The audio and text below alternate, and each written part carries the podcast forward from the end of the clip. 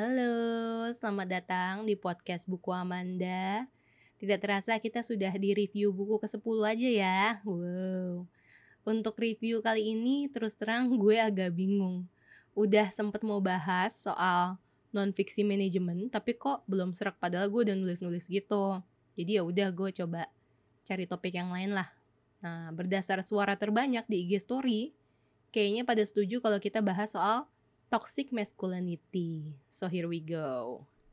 Jadi ceritanya nih ya, gue cerita dulu nih. Gue kan juga termasuk salah satu orang yang menyimak sidangnya Johnny Depp sama Amber Heard beberapa saat yang lalu. Adalah pas lagi gue nonton persidangan gitu.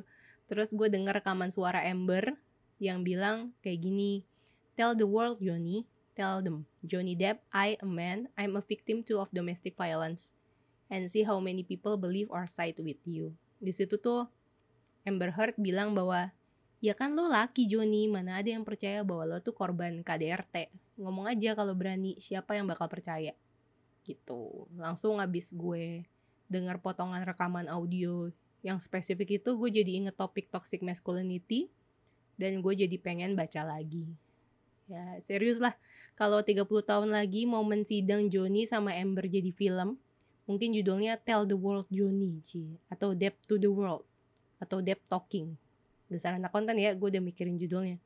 Nah, mari kita doakan yang terbaik bagi Bang Joni dan Cak Ember. Kembali ke buku. Jadi dari hasil gue cari-cari buku non fiksi terbaru dengan tema toxic masculinity, ketemulah gue dengan satu buku yang menarik, judulnya For the Love of Man, karya Liz Plank. Liz Plank ini perempuan, award-winning journalist, dan executive producer di stasiun televisi di Amerika. Pokoknya dia tuh salah satu tokoh paling berpengaruh lah di media Amerika. Menurut gue lumayan menarik sih karena buku ini ditulis oleh perempuan. Soalnya buku bertema toxic masculinity yang pernah gue baca sebelumnya ditulis oleh laki-laki. Jadi gue agak penasaran. Gitu guys. Nah, sekarang gue mau bahas kenapa gue tertarik topik toxic masculinity uh, ini kayaknya karena gue dari dulu tuh suka penasaran gitu ya suka mikir kok ada perbedaan yang lumayan kentara di budaya kita untuk perlakuan pada anak laki-laki dan anak perempuan. Kayaknya hal pertama yang bikin gue heran itu waktu kecil adalah omongan anak laki-laki nggak boleh nangis tuh. Terus gue pernah lihat temen SD gue yang laki nangisnya diem-diem gitu di belakang sekolah atau kalau ada anak cowok yang nangis di kelas gitu ya udah nggak tahan lagi ya udah meler-meler gitu. Terus langsung buru-buru dihapus gitu air matanya kayak wiper mobil paling cepet. Terus gue mikir ih kok kenapa nggak boleh ya? Kenapa nggak boleh nangis ya? Nah ini balik ke gue sendiri. Gue sendiri meski gue perempuan waktu kecil gue tuh sempet nggak dibolehin nangis ngerengek-rengek sama emak gue guys gitu. Katanya kalau nangis tuh jelek kalau nangis nanti nggak jelas mau ngomong apa gitu. Jadi gue kalau mau nangis gue ngumpet dulu. Ntar kalau udah tenang gue baru ngomong. Dan itu aja rasanya nggak enak banget. Jadi bayangin aja kalau tidak boleh menangis setiap saat gitu. Mungkin gue jadi penasaran soal kenapa anak laki nggak boleh nangis karena saat itu gue melihat bukan hanya satu dua orang aja yang mengalami hal yang sama sama gue tapi ditujukan pada semua anak di gender tertentu di kelas gue yaitu anak laki-laki. Nah, gue juga dulu waktu kecil sempat heran kenapa anak perempuan duduknya harus sopan. Padahal kalau anak laki-laki duduknya biayaan gitu ya, juga nggak enak dilihat kan gitu. Kalau itu anak laki ke bawah sampai gede duduknya kayak orang split gitu ya, main spread, apalagi di bis ngapain juga. Hehe. ya you get the point lah, lo ngerti lah. Itu baru contoh kecilnya aja. Gue yakin Lo semua, kita semua semasa hidup sudah pernah melihat dan merasakan tuntutan-tuntutan tertentu yang melekat pada gender kalian atau orang-orang tersayang kalian. Baik yang masih cute-cute gemes kayak cowok harus nembak duluan sampai yang krusial bisa bikin cerai. Baik yang masih bisa dimaklumi maupun tabu. Tidak semuanya nyaman, tidak semuanya bisa dipenuhi, malah sering kali jadi beban pikiran. Untuk beberapa orang, tuntutan gender itu adalah sesuatu yang harus dibuktikan seumur hidup kalian. Puk-puk virtual. Puk-puk dari jauh. Semangat ya. Tapi, Saudara-saudariku sespesies. Menariknya buku For the Love of Man karya Liz Plank ini, dia tidak membahas mana toxic masculinity yang sebaiknya disudahi dan mana yang sebaiknya diteruskan. Kayak dia tetap memberi kita ruang untuk punya pendapat sendiri gitu loh. Mana yang emang toxic, mana yang memang perlu gitu. Di sini Liz Plank memberikan hasil wawancaranya dengan banyak figur yang memberikan perspektif berbeda tentang toxic masculinity dan mengundang kita semua, gender yang ada di dunia, untuk kembali ke diri kita masing-masing dan berpikir, mana tuntutan peran gender yang memang pantas kita jadikan beban hidup bagi diri kita dan orang lain, mana yang tidak. Nah, seperti yang gue bilang tadi, ada banyak banget cerita-cerita dari berbagai latar belakang yang dibahas di buku ini tentang toxic masculinity. Nah, gue mau berbagi sedikit nih. Ada cerita tentang perempuan yang dia ingat bahwa love language bapaknya itu memanggang waffle, guys. Bapaknya tuh tiap hari minggu pagi masak waffle. Kalau lagi ada yang sedih di keluarga, dia masak waffle. Kalau misalnya dia bawa oleh-oleh buat anaknya di luar kota, dia bawa waffle. Dia nyiapin adonan waffle jauh-jauh hari biar bisa sat cet cet gitu. Waffle melayang ke piringmu. Kalau misalnya si bapak diajak ngomong resep waffle tuh udah kayak bahas rocket science. Waktu istrinya ada masalah kesehatan bapaknya tuh sengaja wafflenya dibuat rendah kalori gitu lucu gak sih? Terus dia pokoknya waffle mania banget lah si bapak gitu. Cute banget. Gue terus terang gue senyum senyum gitu pas baca bagian yang satu itu. Favorit gue lah. Terus setelah itu ada juga cerita yang ngebahas tentang Islandia. Islandia atau Iceland.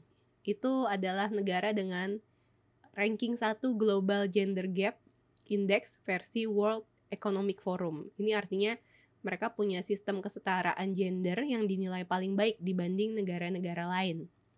Mereka tuh juga negara ranking 4 paling bahagia di dunia dan tingkat harapan hidup laki-lakinya itu paling tinggi di benua Eropa.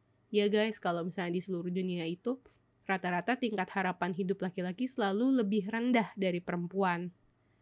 Nah, cowok-cowok di Islandia ini hidup lama tentu bukan karena kesetaraan gender aja ya, ada banyak faktor lainnya pastinya.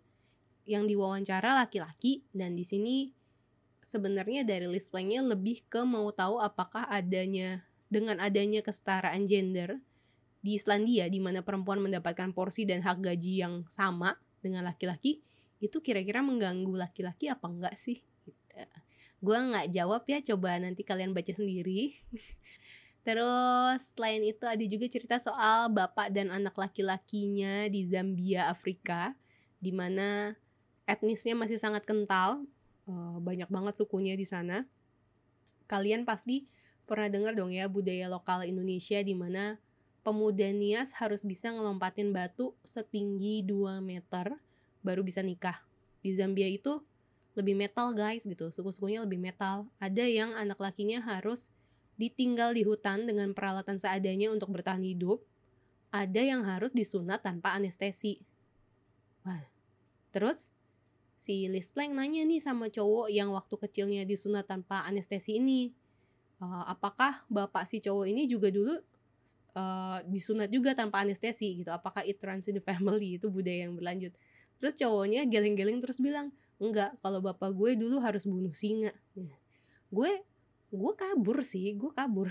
Kalau tiba-tiba ada singa yang menyerang dan lo tetap bisa bertahan hidup itu masih bisa. Gue mengerti ya guys kayak ya wow gitu. Lo lo hebat banget lo beruntung. Tapi kalau misalnya ada anak cowok gitu lagi hidup damai misalnya lagi main tak umpat gitu terus tahu-tahu dicomot suruh bunuh singa karena dia harus membuktikan bahwa dia adalah anak laki-laki pria sejati gue sedih sih gitu. Maksudnya buat buat apanya gue masih aduh banget lah. Begitulah. Cerita lain yang gue ingat itu adalah cerita soal laki-laki transgender. Ini artinya dia pas lahir dinyatakan perempuan tapi setelah dewasa dia memutuskan untuk menjadi laki-laki di sini uh, dia bercerita menggarisbawahi bahwa ada perbedaan pengalaman saat dia jadi perempuan dan laki-laki dari segi dukungan emosional dari lingkungan sekitarnya. Ternyata dia merasa pas dia jadi perempuan, dia tuh bisa lebih mudah menangis dan mendapatkan dukungan moral dari lingkungan sekitar daripada pas dia jadi laki-laki. Dia merasa saat dia sudah menyatakan diri sebagai laki-laki, dia tuh jadi harus menanggung semuanya sendiri. Dia nggak boleh ngeluh, dia selalu harus tahu apa yang harus dilakukan. Uh, sampai ya hal sesimpel itu saat dia nggak bisa segampang itu mendapatkan dukungan moral. Jadi intinya dari cerita-cerita tersebut ada banyak kejadian di seluruh dunia dan budaya dan negara yang menuntut kaum laki-laki untuk lebih kuat baik secara emosi dan fisik daripada perempuan. Sekarang kita uh, lanjut membahas mengapa toxic masculinity ini masih jarang dibicarakan kalau misalnya dibandingkan dengan gerakan feminisme. Kenapa cewek kok kayaknya lebih banyak berjuang soal gendernya dibanding cowok memperjuangkan gendernya. Padahal cowok juga bisa jadi korban kekerasan dalam rumah tangga, kayak kasusnya Johnny Depp. Bisa juga jadi korban kekerasan seksual. Kenapa nggak sesanter feminisme ya soal toxic masculinity ini?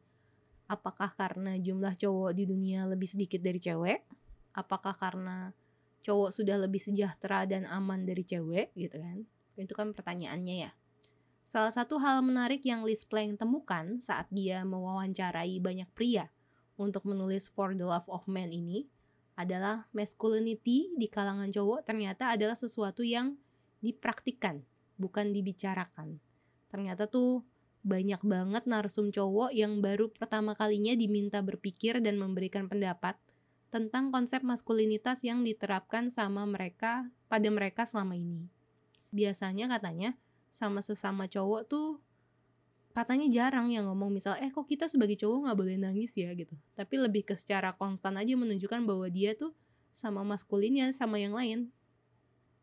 Which is mungkin di beberapa culture berarti yang nggak cengeng nggak masuk dapur nggak bersih bersih jalannya harus gagah nggak main boneka bisa cari duit yang banyak bisa berantem bisa main bola. Kalau meluk sesama cowok nggak clingy gelendotan gitu dan masih banyak lagi. Sampai hal kayak bisa tahu arah tanpa lihat peta. Ini gue pernah sih ketemu cowok kayak gini udah nyasar masih nggak mau lihat peta gitu kan. Sebagai orang yang kebetulan lihat peta aja nyasar gue merasa kurang praktis sih. Gue aja lihat peta nyasar guys. Ya udah. Pokoknya pokoknya keengganan atau ketidaklaziman cowok untuk membicarakan maskulinitas ini atau membicarakan perasaannya adalah yang dicurigai menjadikan konsep masculinity bisa semakin toksik gitu. Karena nggak pernah ada momen untuk berkaca dan cross check satu sama lain gitu.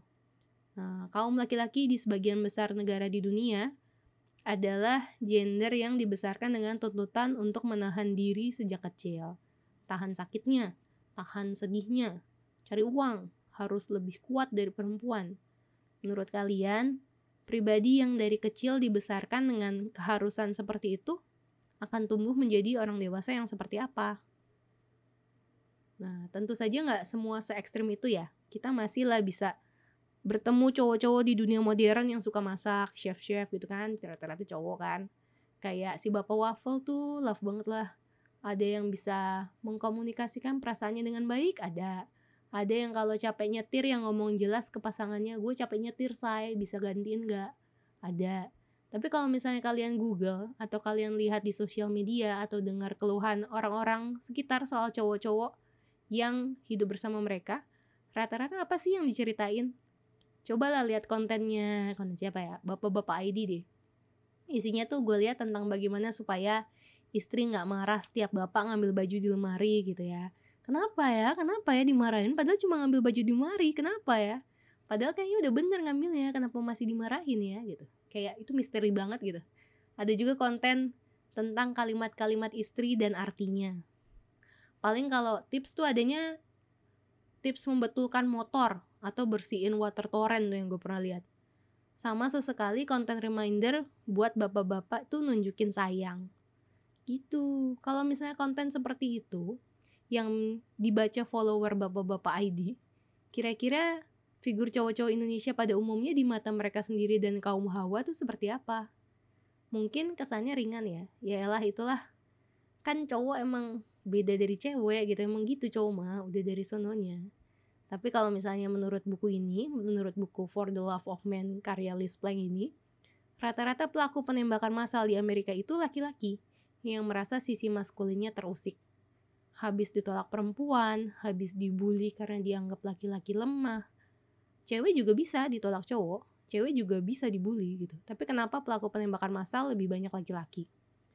Sebagian besar kelompok teroris pun katanya ya mengundang laki-laki untuk masuk ke grupnya itu dengan iming-iming supaya bisa menjadi lebih maskulin, menjadi alpha male. Pelaku bunuh diri di Amerika yang menggunakan pistol rata-rata adalah laki-laki. Alasan gelandangan laki-laki di Amerika tidak menghubungi keluarga atau minta tolong adalah karena malu. Bukannya nggak bisa atau nggak boleh pulang ya, tapi malu. Nah, kebutuhan untuk mendominasi ini juga berpengaruh besar pada gender lainnya. Ada kalanya punya tuntutan untuk punya penghasilan lebih besar dari perempuan, juga kekerasan dan pelecehan pada perempuan, bahkan pada sesama laki-laki yang dirasa lebih lemah.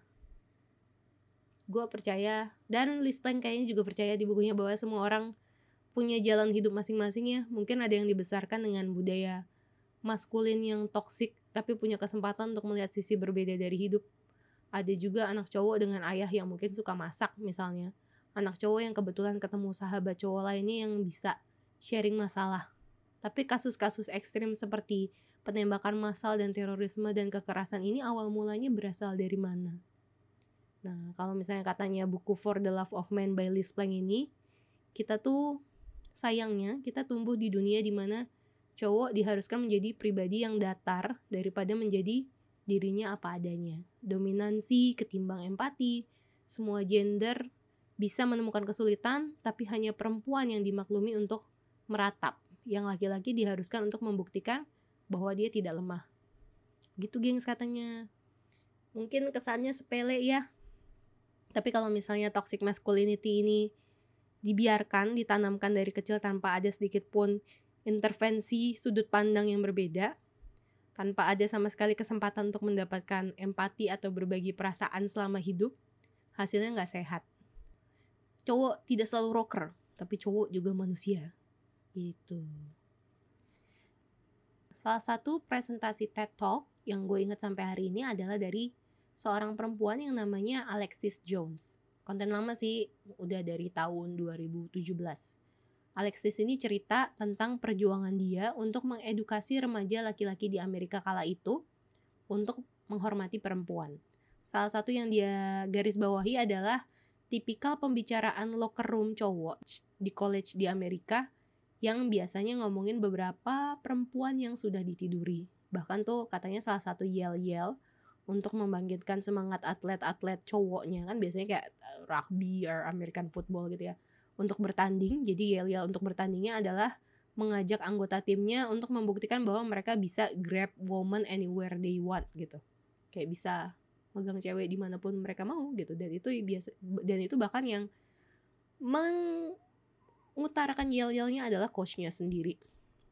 Suatu hari pas Alexis lagi kayak edukasi gitu di tengah atlet-atlet cowok lainnya, ada seorang remaja laki-laki bilang gini ke Alexis, Hey, gue tahu menghormati perempuan itu perlu, tapi meniduri perempuan itu keren. Nah, terus Alexis ngomong, kata siapa? Tuh anak diem kan?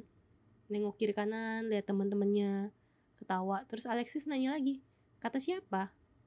Terus cowok itu bilang, si yang remaja itu bilang, I don't know. Terus Alexis bilang, itulah, lo tuh cuma dikasih skrip tentang bagaimana hidup sebagai laki-laki tentang mana yang keren dan mana yang enggak. Tapi lo nggak tahu alasannya apa bahkan lo nggak tahu apakah lo benar-benar merasa itu keren apa enggak. Setelah sesi edukasi itu selesai atlet laki-laki itu si remaja itu ngejar Alexis terus bilang gini thank you.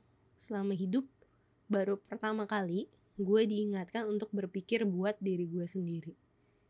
Terus sampai sekarang gue masih berkaca-kaca sih kalau nonton TED Talk yang itu. Gue jadi mikir ada berapa banyak kekerasan, pelecehan, bunuh diri, perang, salah paham yang terjadi mungkin karena kita selama ini cuma nurut dengan skrip yang diberikan sama kita tanpa pernah berhenti untuk nanya apakah ini bener apa enggak, apakah ini yang gue mau apa enggak, tanpa pernah ada yang intervensi dan bilang, eh pendapat lo tuh penting juga loh.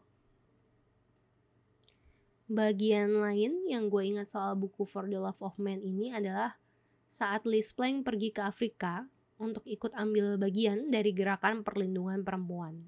Karena biasanya offender adalah laki-laki, mereka yakin mengedukasi anak perempuan untuk melindungi diri itu nggak cukup. Mereka juga harus mendidik yang laki-laki juga untuk yang melindungi diri mereka sendiri juga dan menghormati gender lainnya. Jadi ada relawan-relawan gitu sengaja datang ke desa-desa ngajak anak-anak cowok di desa itu untuk ngobrol untuk tahu pandangan mereka soal peran cowok dan peran cewek. Sesuatu yang mungkin nggak mereka dapatkan di sekolah ataupun di keluarga mereka di sana. Nah si Liz Plank ikutan kan diundang gitu sama temannya yang Liz temukan adalah saat anak-anak cowok ini diminta untuk coba yuk pura-pura main masak-masakan kayak yang biasanya ibu lakuin di rumah rata-rata mereka tuh awalnya nggak mau. Kalaupun mau ya ogah-ogahan gitu karena kan mikirnya ya itu kan tugas perempuan ya gitu.